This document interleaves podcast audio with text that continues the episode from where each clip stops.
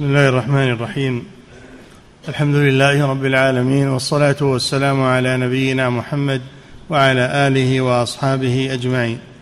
أما بعد قال المؤلف رحمه الله تعالى وعن جابر رضي الله عنه عن النبي صلى الله عليه وسلم قال ما من صاحب إبل ولا بقر ولا غنم لا يؤدي حقها إلا أقعد لها يوم القيامة بقاع قرقر تطأه ذات الظلف بظلفها وتنطحه ذات القرن. ليس فيها يومئذ جماء ولا مكسورة القرن. قلنا يا رسول الله وما حقها؟ قال إطراق فحلها وإعارة دلوها ومنحتها وحلبها على الماء وحمل عليها في سبيل الله. رواه أحمد ومسلم. بسم الله الرحمن الرحيم. الحمد لله رب العالمين. صلى الله وسلم على نبينا محمد وعلى آله وأصحابه أجمعين. قال رحمه الله في باب الزكاة. العاريه باب العارية نعم في باب العارية. وعن جابر كما سبق أن العارية أن تمنح لأخيك أن ينتفع بالحبل وبالدلو وبالاشياء التي لا تتلف بالاستعمال تفع بها وتبقى عينها. فهذه هي العارية. ينتفع بها المحتاج نفعا لا يضر عينها وماليتها ثم يردها عليك. قد توعد الله جل وعلا الذين يمنعون العارية. قال تعالى فويل للمصلين الذين هم عن صلاتهم ساهون الذين هم يراءون ويمنعون الماعون يمنعون الماعون يعني العارية. والماعون ما يحتاج إليه من حبل ودلو وقدر ونحو ذلك مما ينتفع به المحتاج ثم يرده ولا ينقص من عينه شيئا. هذا هو الماعون. فالماعون شامل للحبل والدلو والقدر ونحو ذلك. الماعون يعني حاجة التي يحتاجها الناس. فهذا من حق الأموال على أصحابها. أن يعيروها للمحتاجين و أن أن المستعير يكون أمينا على ما تحت يده مما ينتفع به بأن يرده إلى صاحبه ولا ينقص منه شيئا. نعم.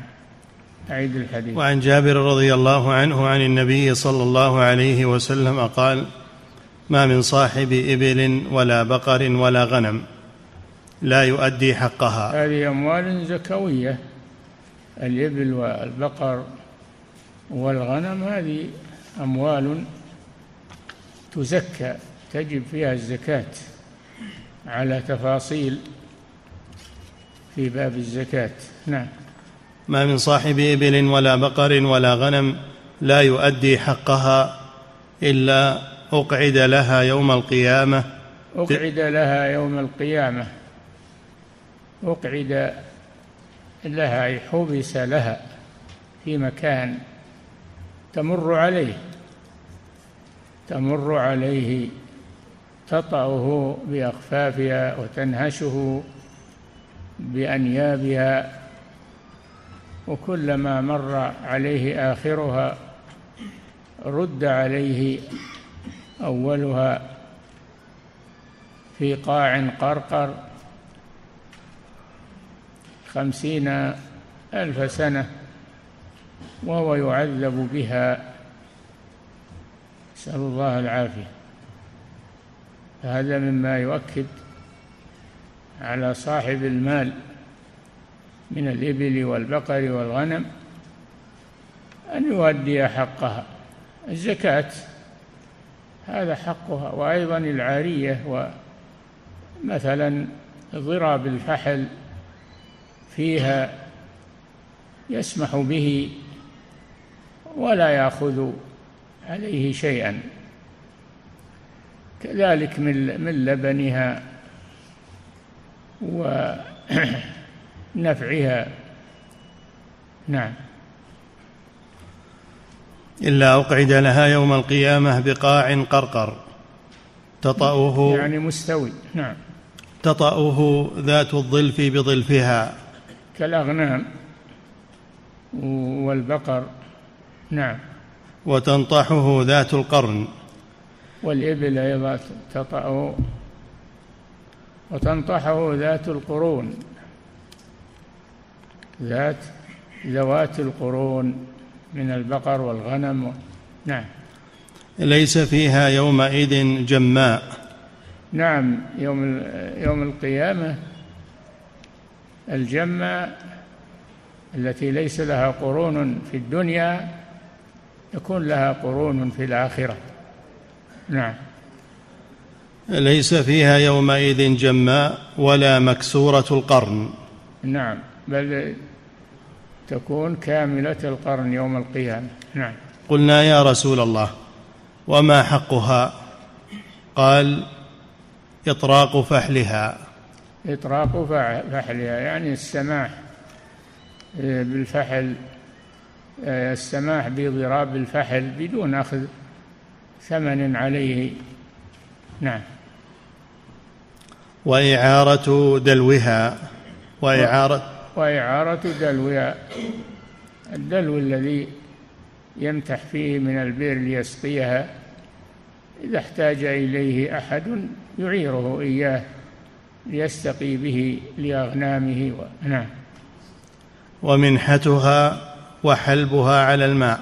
منحتها يعني المنيحة بأن يعيرها لمن يحلبها لمن يحلبها الذي ليس عنده آه، ذوات حليب وهو محتاج يمنح له ما فيه حليب يأخذ منه الحليب وينتفع به.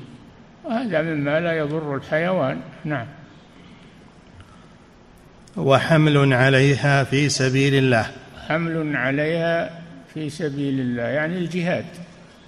يحمل عليها إذا كانت من ذوات الحمل التي تصلح لأن يحمل عليها كالإبل.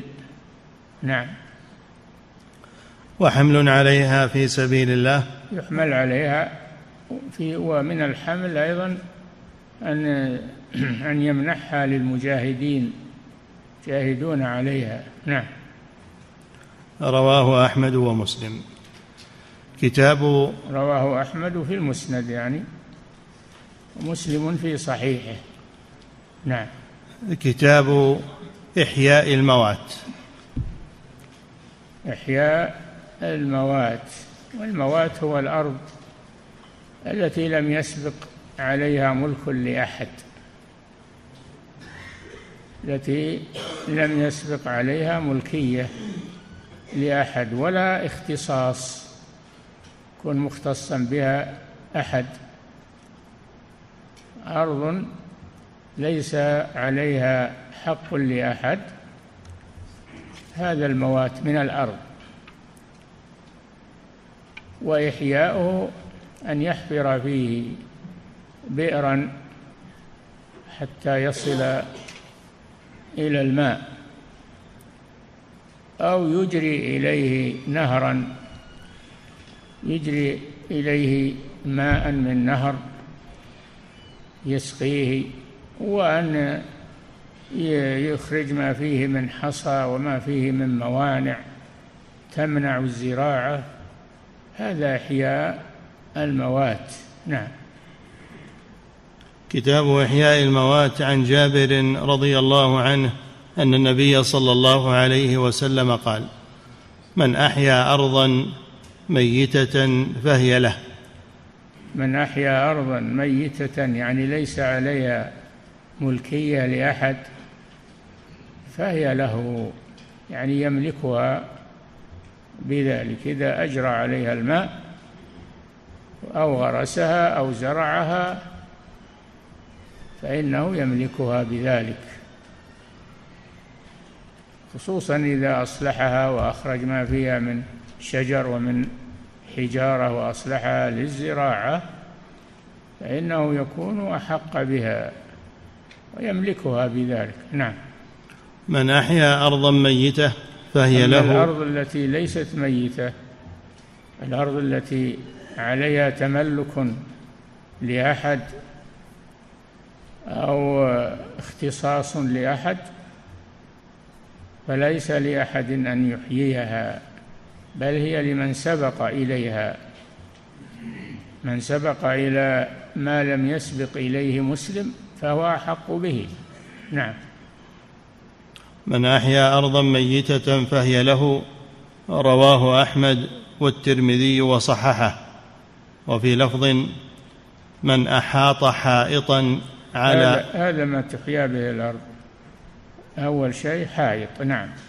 من أحاط حائطا على أرض فهي له. هذا واحد هذا واحد. من أحاطها بجدار فهي له. من حفر فيها بئرا ووصل إلى الماء فهي له. نعم. رواه أحمد وأبو داود ولأحمد مثله من رواية سمرة. وعن سعيد بن زيد قال قال رسول الله صلى الله عليه وسلم من أحيا أرضا ميتة فهي له وليس لعرق ظالم حق. من أحيا أرضا ميتة يعني لم يسبق عليها حق لأحد فهي له. لم يسبق عليها تملك أو اختصاص لأحد فهي له. بأن أحاطها بجدار أو حجر عليها بحجارة أو حفر فيها بئرا ووصل إلى الماء فهي له قد أحياها نعم. وليس لعرق ظالم حق. وليس لعرق ظالم حق. فلو جاء أحد وغرس في أرض أحد سبقه إلى تملكها فإنه هذا ظالم معتدي على حق غيره. فتنزع هذه النخيل وهذه الأشجار ويلزمه نزعها وإخلاء ملك آه، مالكها. يلزمه يلزمه إخلاؤها من من من مبانيه ومن آه، حيطانها التي حوطها ينزع ينزعها. وليس له ما يقابل ما أنفق فيها لأنه ظالم ومعتدي. ولا هذا عن طريق الحاكم ما يملك أحد أنه يفصل بين المتخاصمين إلا الحاكم. نعم. وليس لعرق ظالم حق رواه أحمد وأبو داود والترمذي. نعم هذا في قلع الأشجار التي غرسها في ملك غيره. نعم. وعن عائشة رضي الله عنها قالت قال رسول الله صلى الله عليه وسلم من عمر أرضا ليست لأحد فهو عمر أرضا. هذا ما تملك به الأرض أن يعمرها بمعنى أنه يصلحها للزرع وللسكنى ويزيل ما ما فيها من الموانع ولم يسبق أن تملكها أحد من قبله فهي له. نعم. من عمر أرضا ليست لأحد فهو أحق بها. رواه أحمد والبخاري. نعم. وعن أسمر ابن مضرس قال رضي الله عنه قال أتيت النبي صلى الله عليه وسلم فبايعته فقال من سبق إلى ما لم يسبق إليه من سبق إلى ما لم يسبق إليه مسلم فهو له. من سبق إلى شيء مباح. لم يسبق إليه مسلم فهو له من عرض الموات أو غير ذلك مما لم يسبق عليه ملكية لأحد فهو له نعم من سبق إلى ما لم يسبق أو مثلا أو مثلا وضع متاعه في في في أرض ليبيع ويشتري عليها ولم يسبق إليه أحد فهو أحق بها مثل ما يكون في الأسواق وفي الأمكنة التي لم يسبق أن ملكها أحد جاء واحد ووضع فيها متاعه وجلس فيها يبيع ويشتري نحو ذلك فهو أحق بها. نعم. من سبق إلى ما لم يسبق إليه مسلم فهو له. قال فخرج الناس يتعادون يتخاطون. رواه أبو داود. يتعادون يعني يعدون يعدون مسرعين ليس يتعادون من العداوة بل من العدو وهو السرعة في المشي. خرج الناس لما سمعوا كلام النبي صلى الله عليه وسلم بالأسبقية تسابقون إلى الموات ويضعون فيه ما يمكنهم من الانتفاع به. نعم. وهذا فيه تشجيع لعمارة الأرض وزراعة الأرض وفيه تشجيع للتنمية لأن النفع يعود للجميع. نعم. فخرج الناس يتعادون يتخاطون رواه أبو داود. يتخاطون الأراضي الموات. نعم.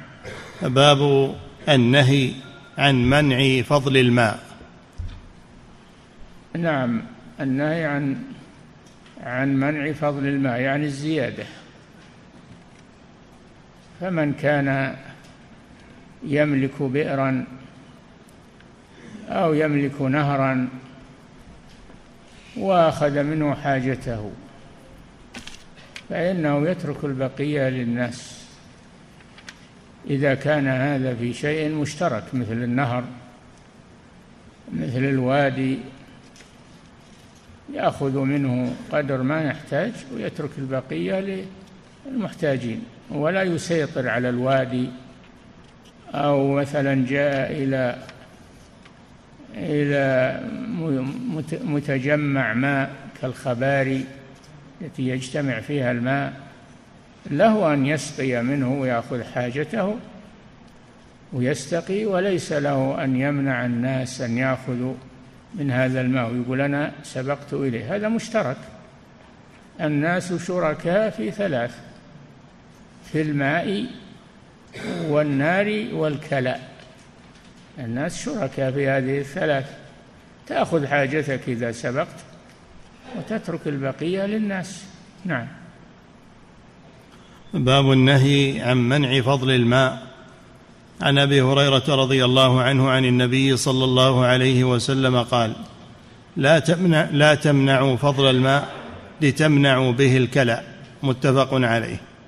لا تمنعوا فضل الماء لتمنعوا به الكلى يعني العشب. الناس شركاء في الماء وفي الكلى وفي النار أيضا. هذه الثلاث مشتركة بين الناس. من سبق إليها يأخذ حاجته منها ويترك البقية لمن يأتي وينتفع بها أو يأخذ منها شيئا. نعم. ولمسلم لا يباع فضل الماء ليباع به الكلى لا يباع فضل الماء يعني الزيادة عن الحاجة ليبيع به الكلوة والعشب الذي ينبت عليه. الناس شركاء في هذا لكن تأخذ حاجتك تترك البقية للناس. إذا كان في أرض موات أما إذا كان في أرضك نبت في أرضك فلك الحق أن تمنع من يدخل إلى أرضك. نعم. وللبخاري لا تمنعوا فضل الماء لتمنعوا به فضل الكلى. نعم. وعن عائشة رضي الله عنها قالت نهى رسول الله صلى الله عليه وسلم أن يمنع نقع البئر. رواه أحمد وابن ماجه. نقع البئر يعني ماؤه آه، المستنقع فيه. تأخذ حاجتك تترك البقية ينتفع بها غيرك لأن الماء مشترك. الماء مشترك. نعم. وعن عمرو بن شعيب عن أبيه عن جده عن النبي صلى الله عليه وسلم قال من منع فضل مائه أو فضل كلئه منعه الله عز وجل فضله يوم القيامة. رواه أحمد. هذه عقوبة له. من منع فضل الماء يعني الزايد عن حاجته منعه الله فضله. فضل الله سبحانه يوم القيامة عقوبة له. وهذا بدليل على تحريم هذا العمل. نعم. من منع فضل مائه أو فضل كلئه. أو فضل العشب. لك أن تأخذ حاجتك من العشب لكن البقية الزائدة عن حاجتك يأخذها المحتاج ولا تمنعه. نعم.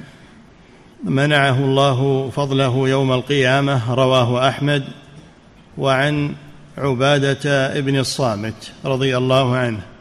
أن رسول الله صلى الله عليه وسلم قضى بين أهل المدينة في النخل ألا يمنع نقع بئر. وعن عبادة بن الصامت أن رسول الله صلى الله عليه وسلم قضى بين أهل المدينة في النخل ألا يمنع نقع بئر. في النخيل في النخيل المدينة لأن المدينة بلاد نخيل. فمنعهم أن منعهم من أن يمنعوا نقع البئر الزائد عن حاجة المالك لأن الماء مشترك للجميع.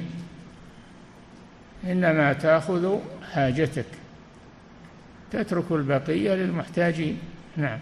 وقضى بين أهل البادية ألا يمنع فضل ماء ليمنع به الكلى أهل البادية البدو غير الحاضرة. الذين يعيشون على الرعي وعلى التنقل. إذا سبقوا إلى ماء أو إلى أو إلى واد فإنهم يأخذون قدر حاجتهم ويتركون البقية للناس ينتفعون بها ولا يسيطرون على الماء على النهر على الماء المتجمع بالخبار ونحوه ولا يسيطرون عليها لأنها مشتركة بين المسلمين.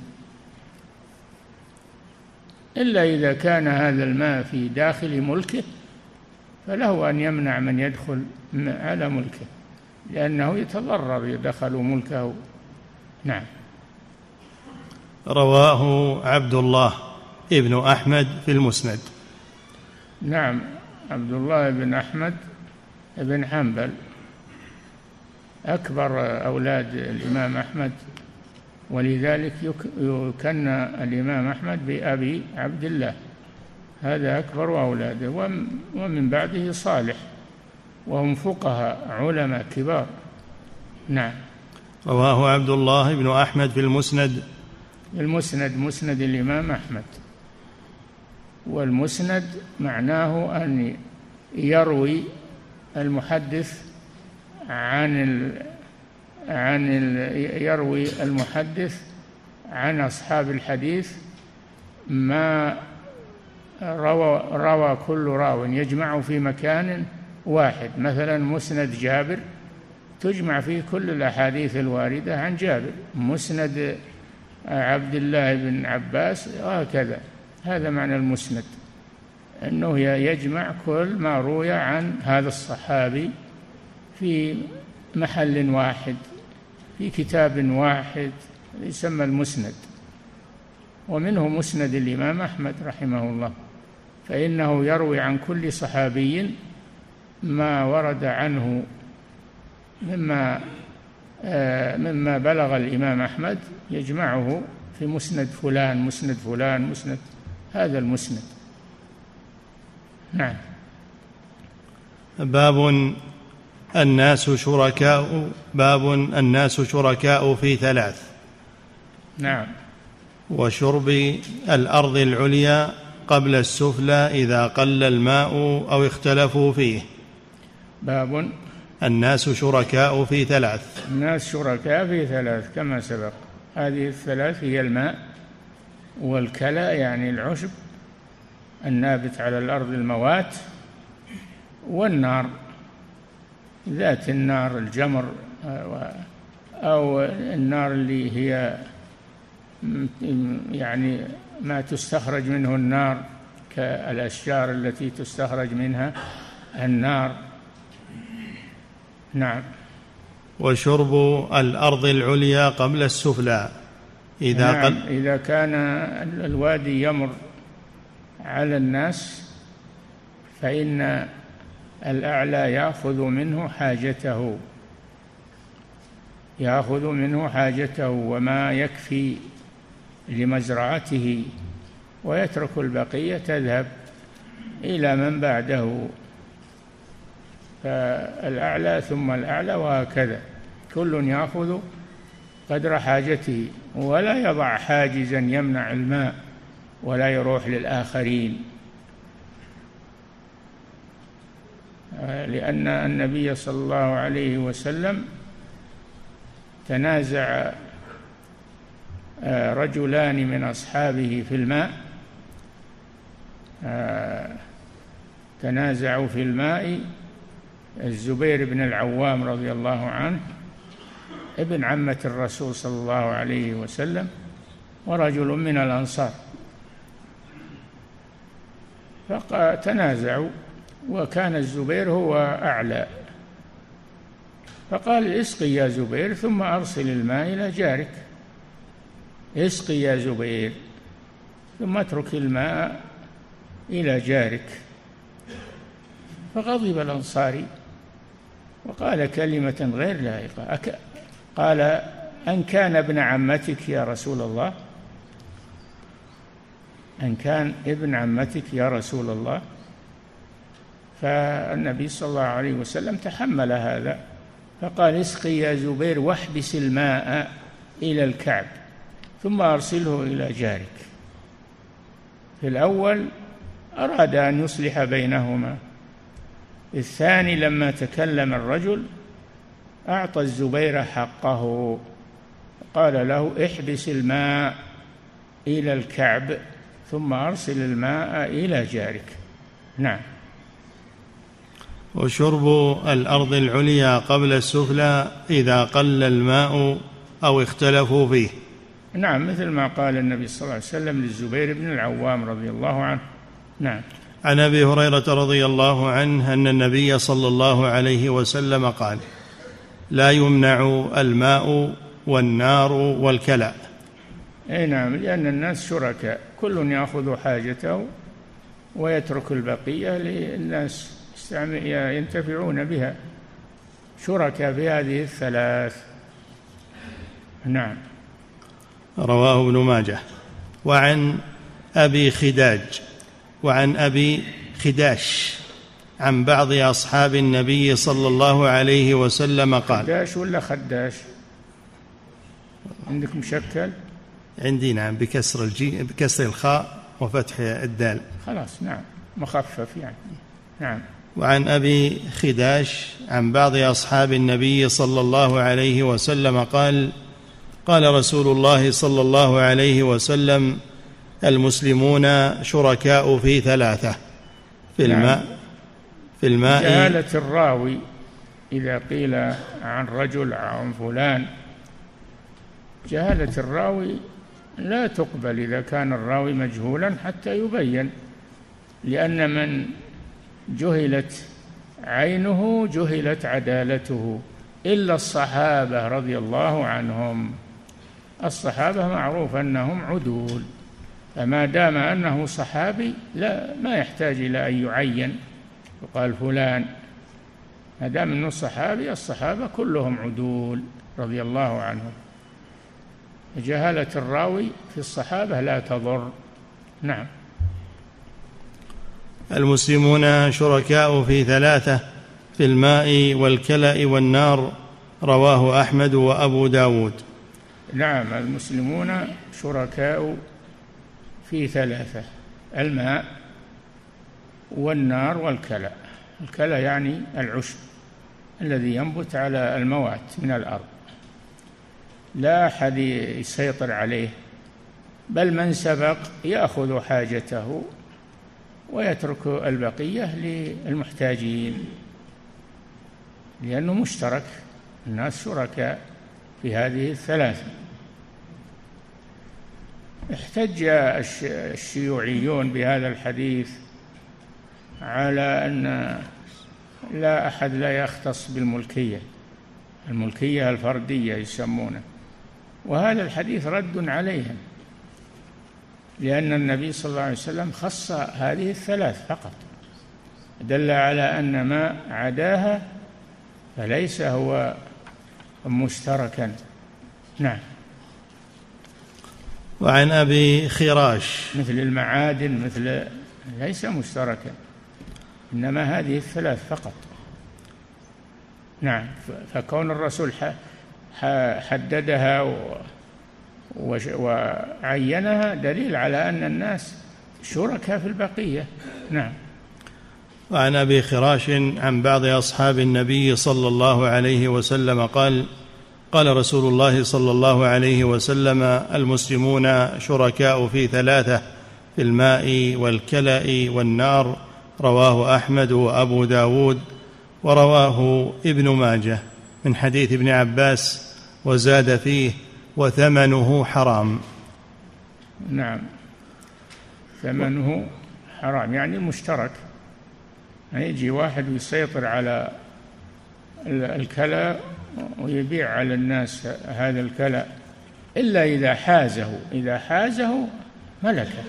أما ما دام على أصوله وعلى الأرض فهو مشترك. نعم. وعن عبادة رضي الله عنه أن النبي صلى الله عليه وسلم قضى في شرب النخل من السيل أن الأعلى يشرب قبل الأسفل فيترك نعم. الماء نعم. إذا كانوا على وادي فإن الأعلى على الوادي يأخذ حاجته منه ويترك البقية تذهب إلى الآخرين ولا يحتكر الوادي ويقول أنا اعلى من غيري ولا يمر يروح لهم. لا. يأخذ حاجته ويترك البقية للآخرين. نعم. لأن الماء مشترك. نعم. أن الأعلى يشرب قبل الأسفل فيترك الماء في فيترك الماء إلى الكعبين. إي نعم. الأعلى يأخذ إلى الكعبين. يا يعني له أن يحجر الماء إلى الكعبين فقط. ولا يحطه في خزانات أو في أشياء آه، بعيدة الغور ما يجوز له هذا. الماء الناس شركاء ويحتاجون الماء. نعم. فيترك الماء إلى الكعبين ثم يرسل الماء إلى الأسفل الذي يليه. نعم. وكذلك حتى تنقضي الحوائط أو يفنى الماء. أي نعم. رواه ابن ماجه وعبد الله بن أحمد. وعن عمرو بن شعيب عن أبيه عن جده. أحمد كما ذكرنا أنه له الزوايد على المسند أبيه. الزوايد على مسند أبيه. روى أحاديث اختص بروايتها فجعلها في المسند. نعم في مسند أبيه. نعم. وعن عمرو بن شعيب عن أبيه عن جده. أن النبي صلى الله عليه وسلم قضى في سيل مهزور أن يمسك حتى يبلغ الكعبين. عمرو بن شعيب عن أبيه عن جده يعني عمرو بن العاص. هذه عمرو بن شعيب عن أبيه عن جده.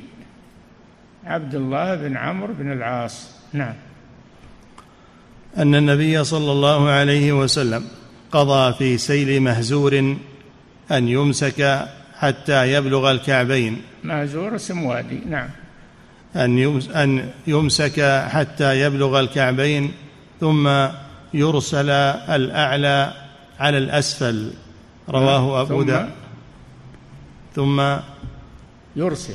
ثم يرسل الأعلى على الأسفل. نعم. رواه أبو داود وابن ماجه. إيه نعم هكذا الحكم الشرعي.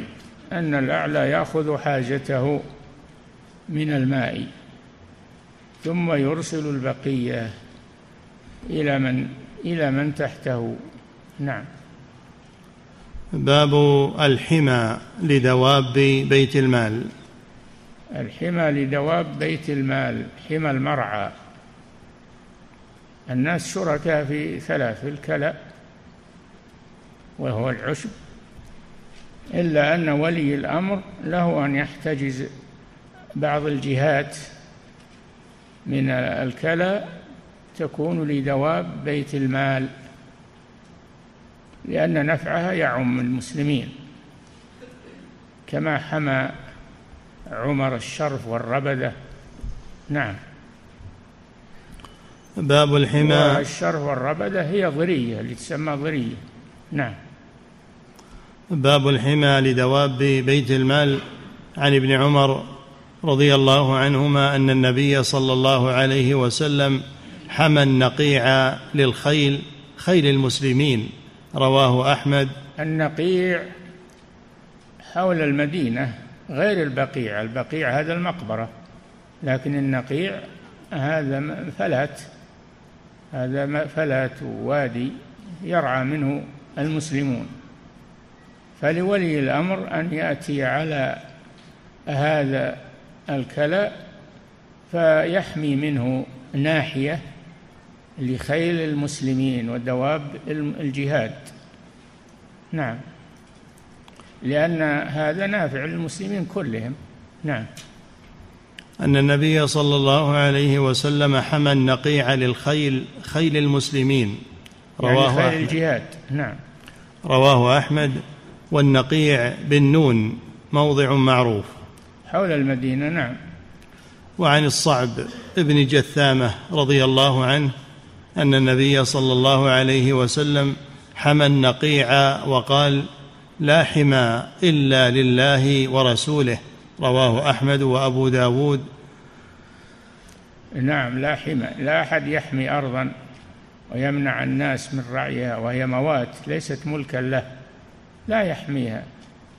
إلا لدواب المسلمين ولي الأمر يحمي لدواب المسلمين ولا يرعى فيها إلا دواب الجهاد والخيل لأن المصلحة عامة في هذا. نعم. وللبخاري منه لا حمى إلا لله ورسوله وقال بلغنا أن النبي صلى الله عليه وسلم حمى النقيع. نعم حماه لدواب المسلمين نعم. وقال بلغنا أن النبي صلى الله عليه وسلم حمى النقيع وأن عمر حمى شرف شرف. حمى شرف الشرف. الشرف. شرف نعم. حمى الشرف والربدة. نعم اللي هي ضرية نعم. وعن أسلم مولى عمر أن عمر رضي الله عنه استعمل مولى له يدعى هنيا. وعن؟ وعن أسلم مولى عمر. نعم. أن, أن عمر رضي الله عنه استعمل مولى له يدعى هنيا على الحمى. استعمله على الحمى يعني جعله مراقبا للحمى وحارسا له. نعم.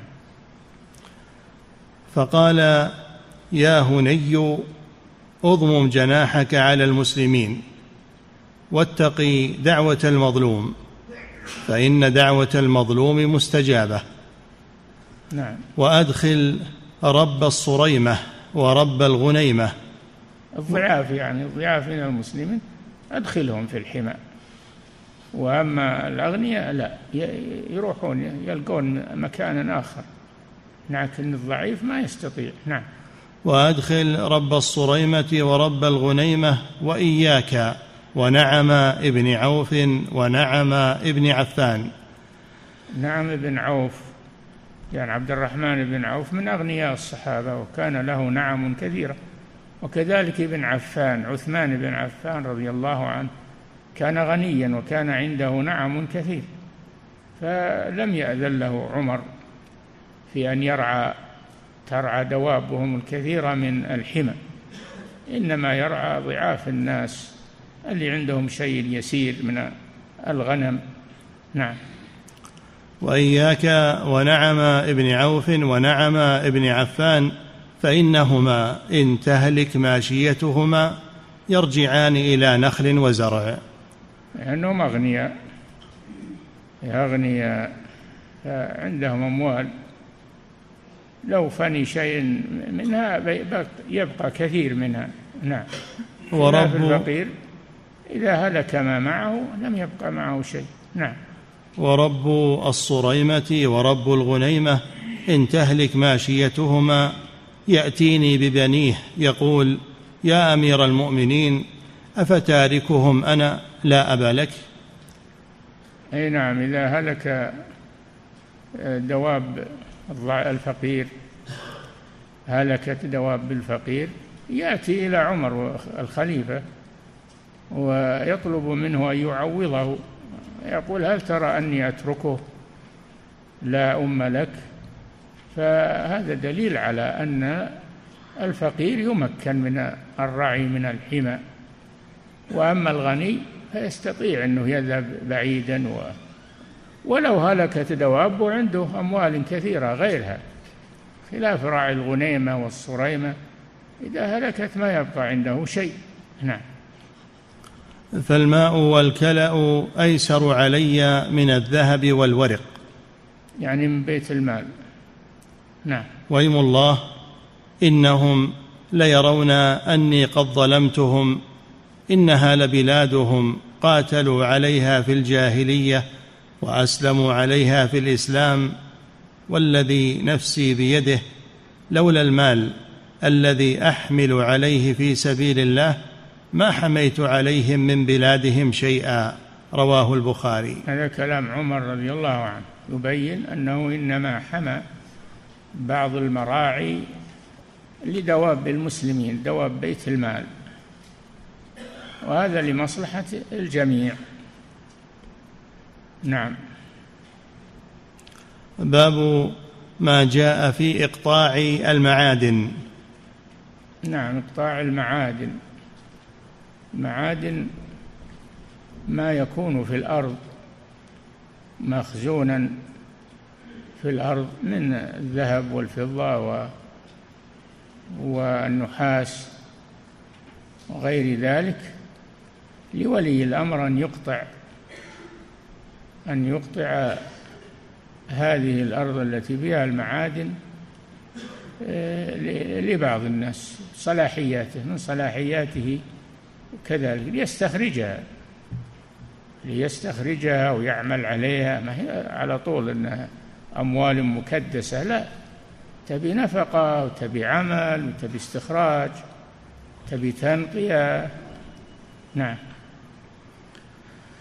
باب ما جاء في إقطاع المعادن عن ابن عباس رضي الله عنهما قال أقطع رسول الله صلى الله عليه وسلم بلال بن الحارث المزني معادن القبلية. قبلية القبلية. معادن القبلية. إي نعم ليستخرجها ويصلحها ويتعب عليها وهي له. فدل على جواز قطاع آه، بعض المعادن التي في, في الأرض من الذهب والفضة والنحاس والزرنيخ وغير ذلك. نعم. أقطع رسول الله صلى الله عليه وسلم بلال ابن الحارث المزني معادن القبلية جليسها وغويرها وحيث يصلح الزرع من قدس ولم يعطه حق مسلم. نعم. أقطع رسول الله صلى الله عليه وسلم بلال بن الحارث المزني معادن القبلية جليسها وغويرها. وحيث يصلح وحيث يصلح الزرع من قدس. يصلح زرع. الزرع من قدس. يقول قدس في النهاية جبل معروف. إيه، اسم جبل قدس نعم. نعم. ولم يعطه حق مسلم. نعم مختص بأحد. أعطاه شيئا عاما. طالع لنا شرح هذا الحديث. قوله القبلية منسوب إلى قبل بفتح القاف والموحدة وهي ناحية من ساحل قبلية القبلية. نعم. منسوبة إلى قبل قبل بفتح القاف والموحدة وهي ناحية الموحدة يعني الباء. نعم. وهي ناحية من ساحل البحر بينها وبين المدينة خمسة أيام. وفي نعم. رواية لأبي داود مع معادن القبلية وهي من ناحية الفرع. وقد تقدم مثل هذا. وقوله الفرع الفرع, الفرع اللي تسمى الآن الفرع حول المدينة نعم.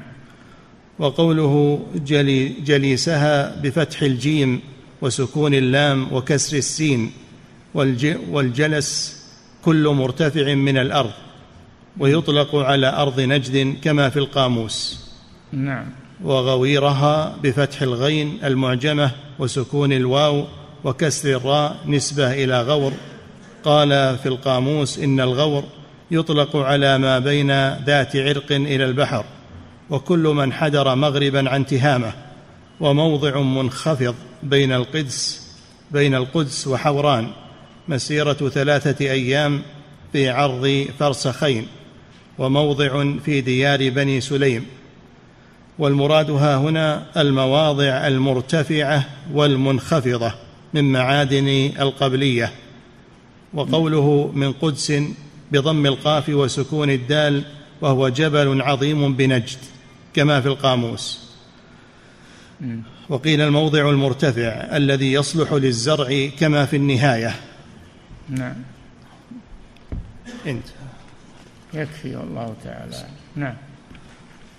ولم يعطه حق مسلم رواه أحمد وأبو رواه أحمد ورواياه أيضا من حديث عمرو بن عوف المزني. نعم. وعن أبيض ابن حمال أنه يكفي وعن إيش؟ أبيض ابن حمال حمار آه. سم بن حمار كذا ولا حمار؟ لعلها بالجيم ما أدري والله آه. بعض النسخ جمال وبعض النسخ حمال بالحاء جمال ها؟ آه. حمال نعم يخلي الدرس القادم إن شاء الله نعم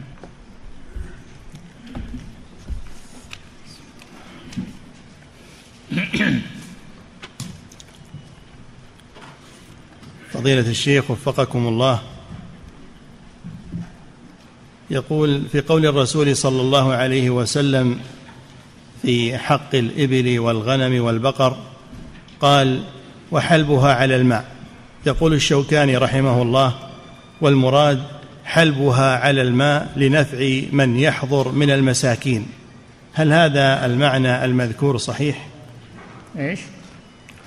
يقول في قول الرسول صلى الله عليه وسلم عن حق الإبل والبقر والغنم وحلبها على الماء.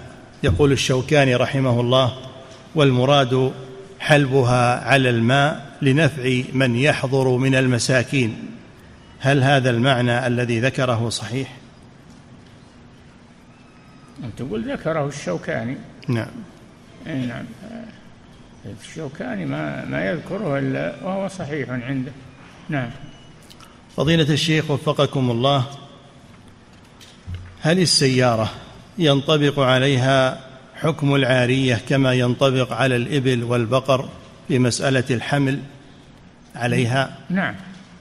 بل هي أولى لأنها تحمل الشيء الكثير فنفعها أكثر من نفع الإبل والحمير. نعم. فضيلة الشيخ وفقكم الله. هذا سائل يقول هناك من يملك من يملك سلالة من الإبل وهي سلالة عظيمة وثمينة فيحرص ملاك ملاك الإبل على ضراب فحل هذه السلالة. هل يحق لمن تملك هذا الفحل أن يأخذ مالا على هذا الضراب؟ لا نهى صلى الله عليه وسلم عن عسب الفحل. وأن يؤخذ على ضرابه شيء من المال. نهى عن ذلك. نعم. فضيلة الشيخ وفقكم الله هذا سائل يقول كيف نضبط إحياء الموات في هذا الزمن؟ ها؟ كيف نضبط إحياء الموات في هذا الزمن؟ الآن صار ما أحد يحيي المواد لأنه كثر كثرت الشحنة والاعتداء من الناس بعضهم على بعض فمنعت الحكومة ذلك إلا بأمر من ولي الأمر. ما حد يملك أو يحيي إلا بأمر من ولي الأمر قطعا للنزاع وذرأ للفتنة بين الناس. نعم. فضيلة الشيخ وفقكم الله هذا سائل يقول عندي بئر قمت بحفرها داخل مزرعتي فهل يجب علي أن أقوم بدفع الماء إلى جاري أو لي أن أمنعه من ذلك؟ ماء بئرك لك. إذا أردت أن تتفضل على جارك هذا شيء طيب. نعم. إنما الكلام في الماء الجاري في في النهر أو في الوادي هذا هو الذي. نعم. فضيلة الشيخ وفقكم الله هذا سائل يقول إذا أوقدت نارا في البر ثم أتى شخص وطلب من وطلب مني حطبة من هذه النار فهل لي أن أرده وأمنعه؟ طلب. مني حطبة يقول جمرة يعني. حطب الحطب هذا ملكك أما الجمر لا لا تمنعه. نعم. فضيلة الشيخ وفقكم الله هذا سائل يقول ما حكم وضع المحميات من قبل ولي الأمر وما حكم منع الاحتطاب لعلة انقراض نبات الحطب؟ هل لذلك أصل في الشرع؟ إذا رأى ولي الأمر المصلحة في ذلك له أن أن يمنع ما فيه مضرة على الناس. نعم. فضيلة الشيخ وفقكم الله هذا سائل يقول بعض أصحاب القرى يسمون الأشجار التي في أوديتهم حتى لا يحتطب منها أحد غيرهم ويقولون هذه الأشجار لا يحطبها غيرنا. هل لهذا الفعل أصل في الشرع أم أنه مشترك بين الناس كاشتراكهم في النار؟ النابت في أرضهم لهم أن يحتجزوه وأما النابت في خارج أملاكهم فهو للجميع من سبق إليه. نعم. فضيلة الشيخ وفقكم الله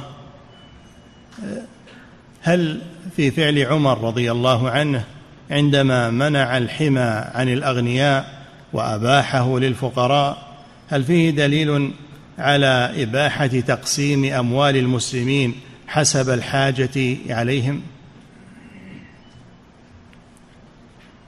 تقسيم من بيت المال يعطى المحتاج من بيت المال. ومن منحه السلطان شيئا فهذا من صلاحيات الإمام لا نعترض عليه. نعم. فضيلة الشيخ وفقكم الله هذا سائل يقول كيف يكون الاشتراك في النار الوارد في الحديث؟ الاشتراك في النار الجمر جمر النار. لو جاء واحد يبي ياخذ من من الجمر ما يوقد. به لنفسه فلا مانع من ذلك. لا تمنعه أو تبيع عليه. نعم. فضيلة الشيخ وفقكم الله من رحل إلى مكان فيه تجمع للماء ونزل فيه وليس فيه إلا ماء قليل فهل له أن يستأثر به كله؟ لا يستأثر إلا بما إلا بما أخذه. في قرب في قربته أو في خزان ما حازه فهو له وما لم يحزه فهو مشترك. نعم. فضيلة الشيخ وفقكم الله هذا سائل يقول يتم إحضار الماء إلى المساجد في قوارير صغيرة فهل يجب على من أراد أن يشرب أن يأخذ حسب حاجته فقط قارورة واحدة؟ حتى لا يدخل في النهي عن منع فضل الماء. ما يحمل معه شيء. ما كان في المساجد يشرب منه ولكن لا يحمل معه منه شيء. نعم. فضيلة الشيخ وفقكم الله هذا سائل يقول من حفر بئرا في أرضه فهل يحق له أن يبيع ماء هذا البئر؟ إذا حازه. إذا حازه فله أن يبيعه أما ما دام لم يحزه فلا. نعم. فضيلة الشيخ وفقكم الله هذا سائل يقول إذا كانت الأرض مملوكة لأناس منذ قرون وليس عليها صكوك فهل يجوز إحياؤها من غيرهم؟ لا. ما داموا لهم عليها سابقة فلا يجوز إحياؤها هم أحق بها. نعم. فضيلة الشيخ وفقكم الله هذا سائل يقول أعرف كثيرا من الإخوة الذين أسلموا حديثا وهم على منهج أهل السنة. هل من باب العبرة والعظة؟ لو أنني طلبت منهم أن يذكروا لي طريقة إسلامهم والفضل الذي يشعرونه بعد إسلامهم وأسجله ثم أنشره هل في ذلك محذور شرعي؟ إذا سمحوا لك بهذا فلا بأس أما إذا لم يسمحوا فليس لك الحق في أن تأخذ منهم معلومات بدون إذنهم. نعم. فضيلة الشيخ وفقكم الله هذا سائل يقول أشعر بمرض وغالب ظني أنني مسحور أو قد أصبت بعين وعندي تردد في طلب الرقية لأكون من السبعين ألفا الذين ذكرهم رسول الله صلى الله عليه وسلم أنهم لا يسترقون وأنا لا أستطيع أو لا أكاد أستطيع أن أرقي نفسي. يقول ما توجيهكم في ذلك؟ إن طلبت الرقية فلا بأس. وإن تركتها من باب التوكل على الله والصبر فذلك إليك. نعم. فضيلة الشيخ وفقكم الله هذا سائل يقول هناك من يقسم التكفير إلى تكفير نوعي وتكفير عيني فهل هذا التقسيم صحيح؟ يا إخوان اتركوا التكفير لا تدخلون به. لا تدخلون في التكفير أقل أقلوا منه وابتعدوا عنه. الناس اليوم انشغلوا بالتكفير ومذهب الخوارج انتشر الآن على يد الدواعش وغيرهم. ابتعدوا عن هذه الأمور. نعم. فضيلة الشيخ وفقكم الله هذا سائل يقول هل ثبت أن الرسول صلى الله عليه وسلم قد خضب لحيته بالحناء والكتم. النبي صلى الله عليه وسلم كان يصبغ بالصفرة يعني الزعفران يصبغ بالصفرة هذا الذي ثبت عنه صلى الله عليه وسلم. نعم. فضيلة الشيخ وفقكم الله وهذا سائل يقول ما حكم قيام الشخص بحجز مكان له في المسجد ووضع شيء ثم خروجه من المسجد. إذا كان خرج لعاد لحاجة ويعود قريبا فلا بأس لأنه في حكم الجالس في المسجد. أما إذا حجزه وراح يشتغل وراح يبيع ويشري وراح ينام في بيته لا ما يجوز هذا. نعم. فضيلة الشيخ وفقكم الله هذا سائل يقول أنا معلم في مدرسة أهلية ويأتيني ولي أمر طالب ويعدني بمكافأة إذا تقدم مستوى ابني علما بأنني أتقاضى راتب من المدرسة على هذا الأمر. هل يجوز لي أن آخذ هذه المكافأة؟ هذه رشوة ما هي مكافأة. ولا تأخذها حرام عليك. نعم. فضيلة الشيخ وفقكم الله هذا سائل يقول هل صحيح هذه المقولة على قدر فهمك للغة العربية يكون على قدر فهمك للشريعة؟ نعم ممكن لأن الشريعة جاءت في اللغة العربية. فإذا فهمت اللغة العربية هذه وسيلة إلى فهم الشريعة. فتعلم اللغة العربية تعلم النحو تعلم اللغة هذا شيء طيب. نعم. فضيلة الشيخ وفقكم الله. هذا سائل يقول كان لوالدي الذي توفاه الله كان له صديق يزوره ويحسن إلى والدي لكن هذا الصديق من عوام المبتدعة فهل أصله وأحسن إليه وأعزمه في بيتي؟ إذا كانت بدعته ظاهرة وبدعته آه، يعني كبيرة فلا. ما إن كان بدعته يسيرة أو تاب منها وهو له معروف على والدك تعطيه مكافأة كافئه على ذلك. نعم. فضيلة الشيخ وفقكم الله هذا هذه امرأة تسأل فتقول ما حكم منع الزوج زوجته من الأشياء المباحة لها من لبس أو غيره؟ بحجة سد الذريعة كما يقول. لا يجوز له أن يمنع امرأته مما أباح الله لها لا يجوز له ذلك هذا ظلم. يمنعها من غير المباح من التبرج من السفور يمنعها من ذلك. أما الشيء الذي أباحه الله لها فليس له أن يحجر عليها ويضيق عليها. نعم.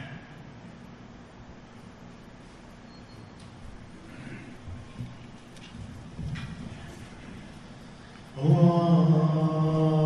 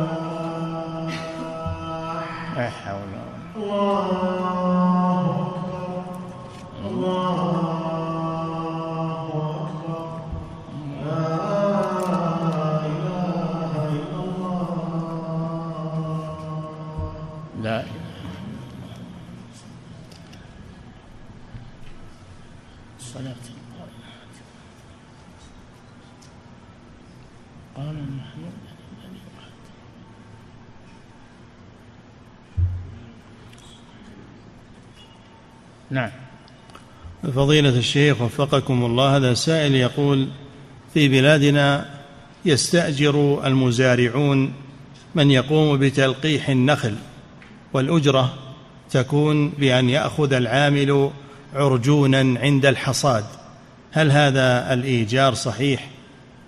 إذا تصالحوا على هذا ورضي العامل فلا بأس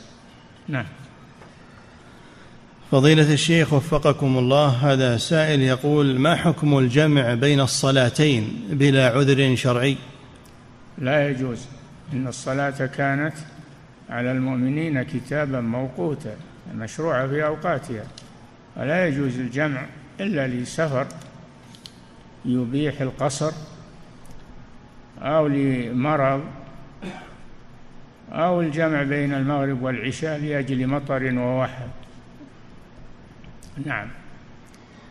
فالقصر سنة والجمع مباح. ليس سنة لكنه مباح للحاجة. نعم. فضيلة الشيخ وفقكم الله هذا سائل من خارج هذه البلاد يقول أفتاني أحدهم في الغرب بحل شراء بيت بقرض ربوي ففعلت. ما الواجب علي الآن بعد أن علمت بالحرمة؟ وهل يحق لي أن أؤجر هذا البيت وأدفع الأجرة في سداد هذا القرض؟ والله البيت اللي فيه, فيه ربا تخلص منه تخلص منه ولا تستمر على ملكه وهو من ثمن الربوي. نعم. فضيلة الشيخ وفقكم الله هذا سائل يقول ما كيفية إخراج زكاة الرواتب.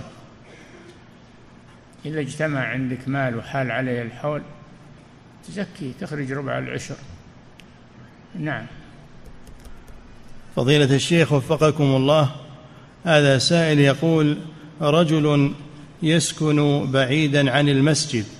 سؤاله ما مقدار المسافة التي يجب عليه أن يلبي النداء إلى الصلاة فيها؟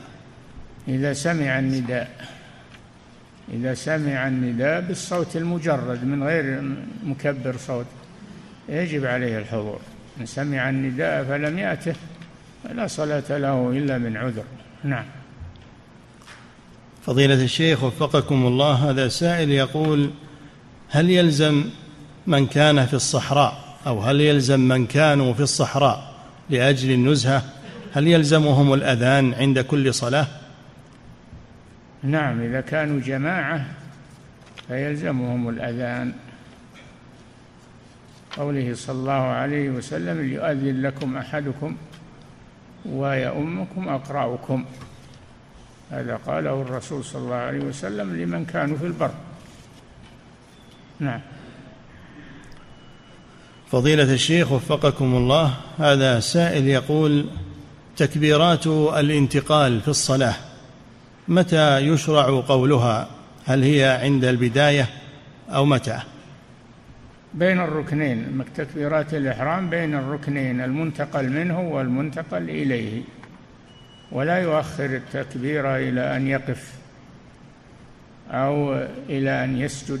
لا تكبيرات الانتقال في الوسط بين الركنين. نعم.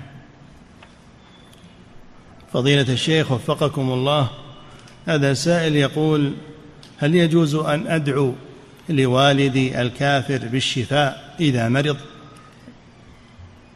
نعم لا بأس بذلك من باب المكافأة له. وتعالجه أيضا إذا احتاج إلى العلاج مثل ما تنفق عليه أيضا إذا احتاج للنفقة. صاحبه ما في الدنيا معروفة. نعم. فضيلة الشيخ وفقكم الله وهذا سائل يقول هل يجب على الأم أن تعدل بين أولادها في العطية كما يعدل الأب؟ الحديث عام اتقوا الله واعدلوا بين أولادكم. هذا عام في, في الأب وفي الأم. نعم. فضيلة الشيخ وفقكم الله وهذه امرأة تسأل فتقول إذا كان الزوج لا يدفع الكماليات أو قيمة الكماليات لزوجته فهل لها أن تأخذها من جيبه بدون علمه؟ لا. ما يلزم ما يلزم الزوج إلا الحاجيات.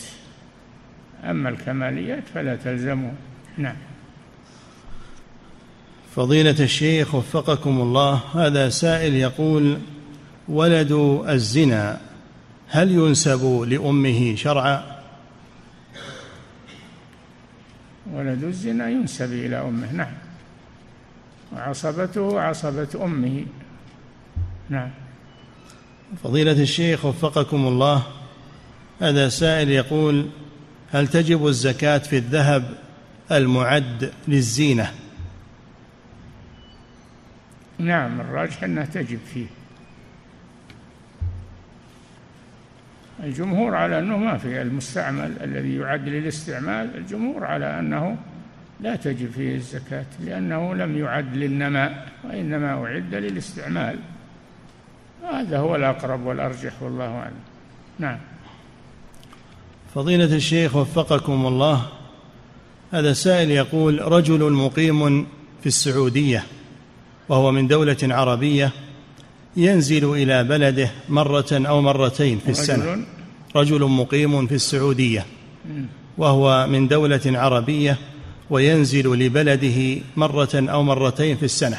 يقول وهو منذ حوالي سنتين إذا صلى منفردا فإنه يقصر الصلاة. فهل فعله هذا صحيح؟ لا ما هو بصحيح. هذا مقيم. هذا مقيم وإذا نوى إقامة تزيد على أربعة أيام فإنه يتم الصلاة ولا يقصرها ولا يفطر في رمضان نعم فضيلة الشيخ وفقكم الله هذا سائل يقول الأشجار والنخيل التي تكون أمام المسجد وداخل المسجد يقول هل يجوز الأكل من ثمارها؟ إذا كانت مسموحة بها وليس وليست لأحد فلا بأس. نعم. فضيلة الشيخ وفقكم الله هذا سائل يقول ما حكم قيامي بتأجير عقاري على بنك من البنوك؟ لا لا يجوز هذا لأن البنك ربوي اشتغل بالربا ولا تعاونوا على الإثم والعدوان. نعم. فضيلة الشيخ وفقكم الله هذا سائل يقول جاء عن عبد الله بن عمر رضي الله عنهما أنه قال لو كنت مسبحا لأتممت. يقول وقد ورد عن رسول الله صلى الله عليه وسلم أنه كان لا يترك نافلة الوتر ولا راتبة الفجر لا حضرا ولا سفرا. هذا خاص براتبة الفجر والوتر. هذه لا يتركها المسافر. نعم. فضيلة الشيخ وفقكم الله هذا سائل يقول بالنسبة للرقية هل يمكن أو هل يجوز شرعا أن يرقي الإنسان دابته أو يرقي سيارته مثلا؟ لا أعرف لهذا أصلا لكن يورد على على نفسه وعلى ماله. يورد الصباح والمساء يورد على نفسه وعلى ماله. نعم. فضيلة الشيخ وفقكم الله هذه امرأة تسأل فتقول هل يجب على المرأة أن تغطي يديها ورجليها في الصلاة؟ أي نعم ولا يظهر منها شيء إلا وجهها إذا لم يكن عندها رجال أجانب يعني غير محارم. ما تكشف في الصلاة إلا وجهها إذا لم يكن عندها رجال غير محارم. أما إن كان عندها محارم تغطي وجهها أيضا. نعم. ثم تقول حفظك الله وهل معنى ذلك أنها يجب عليها أن تلبس الجوربين في كل صلاة؟ تستر رجليها بالجوربين أو بالثوب. راجع الله. نعم. فضيلة الشيخ وفقكم الله هذه امرأة تسأل فتقول إن ابنها لا يصلي وقد نصحته كثيرا وهددته بالطرد من البيت. سؤالها ما توجيهكم في ذلك وما نصيحتكم؟ أن تخبر إمام المسجد والمؤذن من أجل أن يتفقدوه ويلزموه بالصلاة. نعم. فضيلة الشيخ وفقكم الله هذا سائل يقول إذا وقع في قلبي غل على أحد من المسلمين يقول ما السبيل لدفع هذا الأمر؟ وفقكم الله. هذا راجعون إليك. لا اذهبي أذهبي الغل وحلي محله المحبة و... نعم. فضيلة الشيخ وفقكم الله هذا سائل يقول إذا كانت البئر موقوفة وقف فهل هي مباحة لكل أحد؟ موقوفة هذه موقوفة لكل أحد. مش معنى الوقف إلا أنها لكل أحد. نعم. فضيلة الشيخ وفقكم الله. هذا سائل يقول إذا كان هناك وظيفة تحتاج عند التقديم لها إلى اختبار فهل يجوز لي أن أتقدم بدل الموظف الذي هو زميلي أن أتقدم في الاختبار لكي ينجح هو؟ لا هذا غش. لا يجوز هذا. هذا غش وخيانة. لا يجوز هذا. نعم. فضيلة الشيخ وفقكم الله هذا سائل يقول هل يجوز ذبح العقيقة في غير اليوم السابع إذا لم يتيسر هذا اليوم؟ نعم.